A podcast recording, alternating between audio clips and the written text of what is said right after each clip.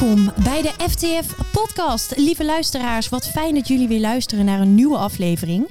En vandaag zit ik aan tafel met Simone Vlaar.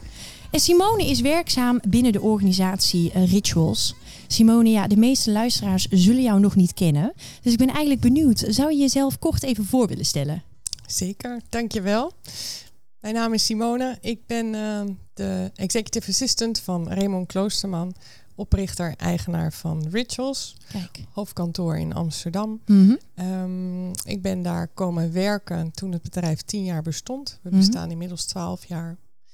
En um, ja, ik woon in de Pijp in Amsterdam. Heerlijk. Met mijn uh, man en twee kindjes. Oh, wat super. Ja, en we zitten op dit moment ook uh, op het hoofdkantoor hier in uh, Amsterdam. En ik kwam daar net binnen en toen werd ik zo mooi ontvangen weer hier bij de receptie. En toen rook ik meteen natuurlijk die hele ritualsbeleving. En toen dacht ik, ja, tuurlijk, we zijn er. En het is toch altijd wel heel fijn. Wat een producten. Ja, wat Echt. een producten, Ja. wat een beleving. En wat een organisatie. En wat een mooi merk. Ja, Ja. absoluut. Hey, tien jaar zit jij hier al. Ehm, je gaf al kort jou, jouw rol op de vloer eh, binnen Rituals aan. Hè? Maar ik weet ook dat daar wat verschuivingen in zitten. Vertel. Ja, nou sowieso kun je je voorstellen, toen ik hier um, ruim tien jaar geleden begon, uh, waren we met 80 mensen op hoofdkantoor. Mhm. En um, zijn we inmiddels met meer dan 800 collega's. Jeetje. En is de omzet en het bedrijf ruim tien keer zo groot als toen. Dus dat brengt als assistent al een hele verandering met zich mee. Ja. Daar waar ik uh, binnenkwam met een jobprofile van negen pagina's en zelfs merkregistraties deed, Mhm. uh, contractbeheer van vastgoed, um, uh, facility management, al dat soort zaken. Um, ging in die groei er steeds vaker stukken wegvallen, omdat we daar specialisten voor inhuurden. Ik was natuurlijk helemaal geen legal geschoold iemand. Um, dus op een gegeven moment hadden we daar een juridische afdeling, die is inmiddels acht, acht personen groot. Um, maar met het wegvallen van die taken werd het eigenlijk nooit rustiger, want we bedachten wel weer allerlei andere zaken. Ja. Uh, want naast al die dingen die ik net benoemde, was ook evenementen een van de dingen uh, die ik heel graag doe. Um, en waarbij er heel veel mag in kan. Dus samen met Raymond, zegt hij zelf altijd, zijn wij het evenementenbureau. nou, inmiddels is dat ver van, want dat kan helemaal niet meer. We hebben een hele grote externe partij waar we heel uh, succesvol mee samenwerken. Ja. Maar ook intern heel veel collega's die daarbij helpen. En um, de verschuiving die er nu eigenlijk het afgelopen jaar heeft plaatsgevonden, is dat we de directie heeft vorig jaar vijfjarenplannen um, gesmeed. Mhm. Mm -hmm. He, waar staat het bedrijf over vijf jaar? En um, aan de hand daarvan heb ik uh, samen met uh, Future Talent Factory um, interviews opgezet met onze business leaders. Mhm. Mm -hmm. Mensen die deels wel een managementassistent hadden en deels niet. En daaruit kwam eigenlijk voort. De insteek van die interviews was: hoe kunnen wij als management assistants nu deze organisatie helpen uh, om uh, die vijfjarenplannen te realiseren en tegelijkertijd een aantal andere uitdagingen te tackelen. Ja. En daaruit kwam naar voren dat het stuk wat ik mag vertegenwoordigen, uh, cultuur. Uh, een hele belangrijke is. Het vasthouden van ons DNA, vasthouden van de manier waarop we samenwerken. Mhm. En natuurlijk wel steeds gestructureerder, want dat kan niet meer zoals die 80 man dat was Mhm. in het begin. Um, om, in, om in dat kader, zeg maar, um, de managementassistenten dus wat meer te formaliseren, op meer plekken mensen neer te zetten, daar business support assistants van te maken, dus een iets andere betiteling Ja. of titel van de rol. En um, ja, datgene wat uh, ik al deed, nu te verdelen over meer mensen binnen meer afdelingen. Ja. Waardoor je dat stukje kan behouden en kan borgen. En wat betekent cultuur voor jou? Ja, cultuur was voordat ik hier kwam werken best wel wat lastiger. Kon ik dat niet zo goed omschrijven. Maar wat het inmiddels is, is de manier, um, zeker hier, de manier waarop je samenwerkt. De Mhm. manier waarop we met elkaar omgaan. Hoe we successen vieren. Hoe we omgaan met tegenslag.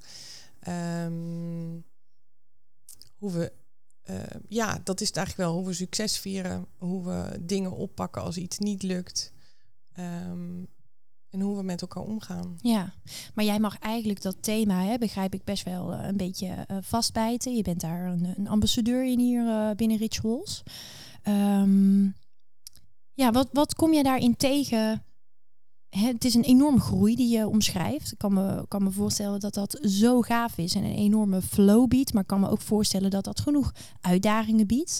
Wat kom je tegen wat, wat lastiger is binnen het thema cultuur en, en het snelle groeien wat, wat je ziet en wat je voelt en ervaart? Ja, nou wat we een aantal jaar geleden zijn begonnen is een uh, fantastisch um, traject voor nieuwe collega's om uh, te onboorden, zoals uh, de term gebruikt wordt. Mm -hmm. uh, dat heet bij ons de Root Camp. Heel leuk. Dat is een programma van twee dagen hier in Amsterdam op kantoor. Voor zowel alle mensen die nieuw zijn op het hoofdkantoor in Amsterdam, maar ook de collega's die uh, op de buiten, in de buitenlandse kantoren komen te werken. Ja. En um, toen ze dat programma vormgaven, kwamen ze bij mij van de Learning and Development afdeling om te vragen of ik een presentatie wilde doen maandelijks in die rootcamp over onze manier van samenwerken. Oké. Nou, normaal zeg ik altijd meteen overal ja op, maar nu dacht ik, oké, okay, hier moet ik wel even over nadenken, want um, uh, ik sta in die zin niet heel graag op de voorgrond. Maar na een nachtje slapen realiseerde ik me wel dat het een compliment was dat ze mij daarvoor vroegen. Ja, juist. En dat ik ook heel erg geloof in dat onze cultuur een succesfactor is. En als ik er een steentje bij kan dragen om die succesfactor te behouden, um, ja, dan voelt dat natuurlijk heel goed. Ja. Dus um, ik heb een mooie presentatie gemaakt. Um, en ik dacht, ik moet daar iets anders in doen dan anders. Dus ik heb um, van een hoge, uh, van een universiteit in Denemarken een of andere Lego-oefening uh, gevonden. En uh, die heb ik in mijn sessie verwerkt. En daar kwam hele positieve feedback op. Dus mm -hmm. dat maakte dat ik me wel iets prettiger voelde. Ook al stond ik heel erg uit mijn comfortzone daar. maar wat gebeurde natuurlijk in COVID? Die rootcamps konden niet meer live plaatsvinden.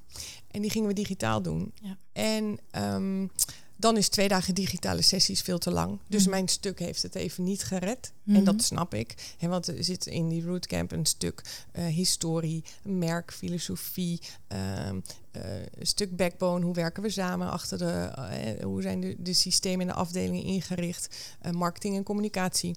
Ja, dus dat stukje verviel daar. Maar je ziet in COVID hebben wij meer dan 350 nieuwe collega's aangenomen op Behoorlijk. Amsterdam en internationaal. Ja. Ja, en dat stukje van mij is daarin eh, weggevallen. En ehm, ja, dat is natuurlijk best heel eh, moeilijk. Mm. Want al die nieuwe collega's komen nu terug naar kantoor. En ja, die vallen daarmee wel, ehm, nou, ik wil niet zeggen in een gat, maar een stukje wat ze niet hebben meegekregen. Ja. Dus dat is eh, een ding waarvan we denken, oké, hoe gaan we dat wel doen? Hoe kunnen we dat wel oplossen? Ehm, communicatie. Hè, interne communicatie hebben we nooit echt helemaal fulltime ingevuld op een, eh, manier. Dus ehm, eh, da- daar komt een groot stuk bij mij. Ja, Oké. en in COVID moesten we dat natuurlijk veel frequenter doen. Mhm. Ehm, events kon allemaal niet, maar zijn wel heel erg belangrijk in onze cultuur. Ja. Dus zijn we gaan nadenken, hoe kan dat dan wel? En ja, daar zijn hele gave dingen uiteindelijk uit voortgekomen. Ja. Ehm, dus ja, wat, ik, wat we hier heel erg hoog in het vaandel dragen is... ehm, kijken naar wat kan er wel. Ja, En mooi. ehm, hoe, kan ik, ehm, hoe kan ik daar een bijdrage in leveren? Hoe kan ik daar samen met mijn team een bijdrage aan leveren? Ja. En ja, Ja. dat proberen we. Nou, supergoed.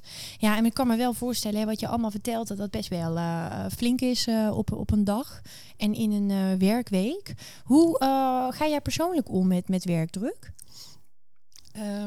Leuke vraag. Ehm, ik ben een aantal jaar geleden bij een eh, hele coole gym in Amsterdam beland. Kijk, oké, dus jij bent flink, eh, en eh, ja, daar, flink fysiek bezig. ja, daar heb ik eh, eerst eh, een um, drie kwart jaar en zelfs een heel intensief programma eh, mogen volgen. En ehm, daarna ben ik lid gebleven en heb ik samen met een ehm, drietal andere vrienden ehm, een vast programma in de week. En ik merk dat dat mij mentaal gezond houdt. Dus eh, op het moment dat ik helemaal vol zit van het werk en echt denk, oh jeetje, dan Ja. toch ochtends vroeg opstaan en naar die gym gaan. En dan kom ik daar weer uit met een strot aan energie. Ja, Waardoor ik eh, ja, die, die hoge werkdruk en die, die stapel eh, to-do weer aan kan. oh wat fijn. Wat fijn dat je daarin voor jezelf een beetje die balans eh, hebt gevonden. En het voor elkaar krijgt om eh, s ochtends vroeg toch uit bed te gaan. Ja, Die gym in te gaan. Ja. En, eh, en te knallen. Wat goed. Ja. Ja, ik wilde al toen je binnenkwam, ik heb het niet gedaan. Ik ga het nu in de podcast doen.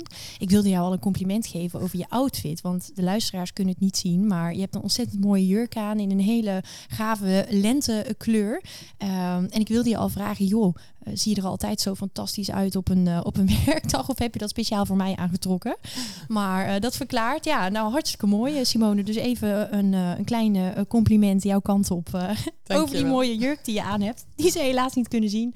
Maar luisteraars, neem het van me aan.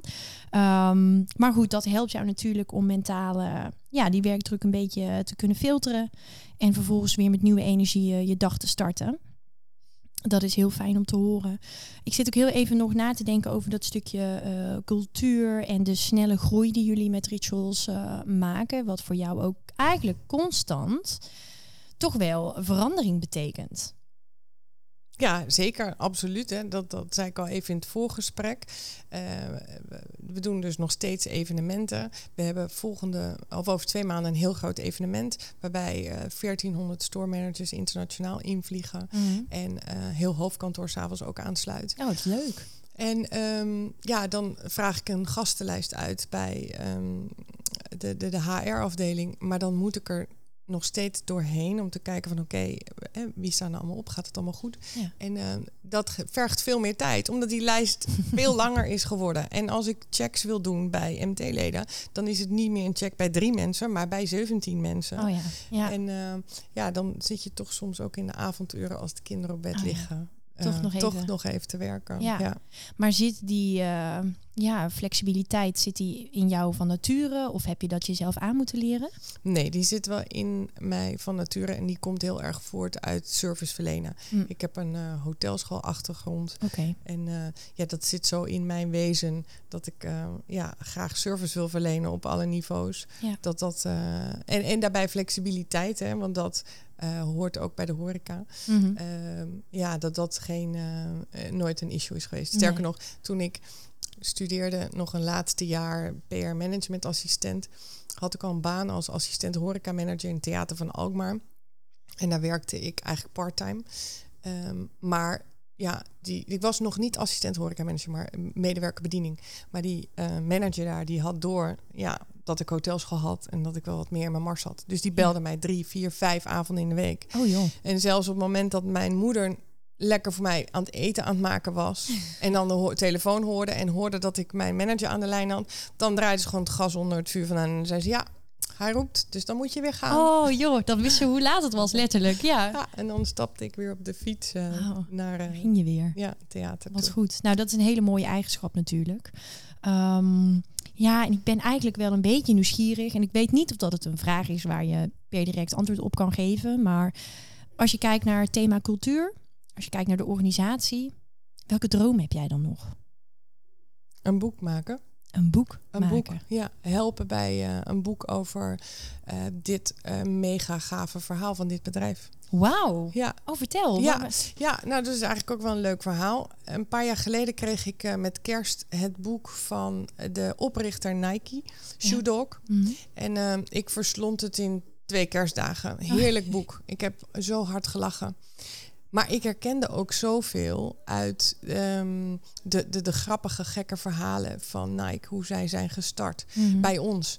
En eh, na de kerst kwam ik bij Raymond. Ik zei, wij moeten dat ook. Er moet ooit zo'n boek komen. En eh, ik zei, we moeten nu eigenlijk beginnen met verhalen vastleggen. Want Ja. mensen die vanaf begin af aan vertrokken, eh, betrokken waren bij het merk, zijn er niet, gaan weg. Mhm. eh, of, of verdrietiger nog eh, hebben, hè, zijn zelfs niet meer onder ons. Mhm. En ehm, ja, dat is dan het heerlijke aan dit bedrijf. Dan is daar ook vrijheid en ruimte voor. Dus hij zei, nou, ga maar kijken wat je kan doen. Oh, goed. Ik wilde al vragen, wat was de reactie? Ja, nee, hij vond het heel leuk. Dus toen ben ik gaan zoeken in mijn netwerk naar journalist of eh, hè, mensen die eh, goed kunnen schrijven. Mhm. En toen heb ik een hele leuke dame gevonden, of eigenlijk twee. Die heb ik aan Raymond en onze creatief directeur voorgesteld. En eh, toen hebben we met één dame zijn we het traject ingegaan. En Mhm. zonder dat er druk op ligt, ehm, interviews afnemen met al die oudgedienden, uh, al weg of nog hier, Mhm. eh, op bepaalde thema's. En daar zijn allemaal eh, verhalen uit voortgekomen die ik op mijn, eh, ja, op mijn harde drijf heb staan. Eh, die eigenlijk verder niemand leest, alleen Nee, ik. ja. Want ja, dit is heel veel, heel veel informatie, maar super gave informatie. Ja, en ooit is mijn droom wel om de aanjager te zijn dat er een boek over komt. Jeetje.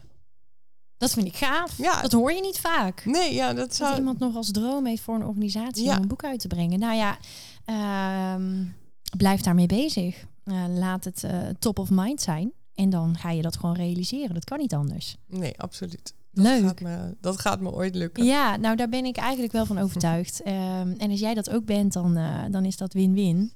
Eh, gaaf. Ja, ik, ik denk dat we eh, eigenlijk nog lang niet klaar zijn met, eh, met babbelen samen. Maar ik zie aan, eh, eh, aan de tijd dat we wel langzaamaan gaan afronden. Dus Simone, dank je wel voor je mooie ehm, invulling vandaag hier van deze aflevering. Ik vind het leuk om te horen ja, dat jij zo goed kan inspelen op die snelle verandering, die snelle groei die je eigenlijk iedere dag hier eh, ervaart. Eh, en ik hoop dat dat eh, ook de luisteraars eh, veel energie geeft en veel, eh, nou ja, ook wel een stukje rust dat dat gewoon oké is. En dat dat in heel veel organisaties zo eh, gebeurt. En dat je jezelf niet gek laat maken door die werkdruk. Maar dat je gewoon een keer die, eh, die gym ingaat. En dan kun jij er weer tegenaan. Absoluut. Superleuk. Dankjewel. Dankjewel voor je tijd. En eh, ik zou zeggen hopelijk tot de volgende keer. Ja, dames en heren, dit was weer een, een FTF podcast aflevering. Dankjewel voor het luisteren en eh, de volgende aflevering die gaan we binnenkort weer opnemen. Dus ik hoop jullie dan weer blij te maken met een nieuw thema en een nieuwe gast. Dankjewel!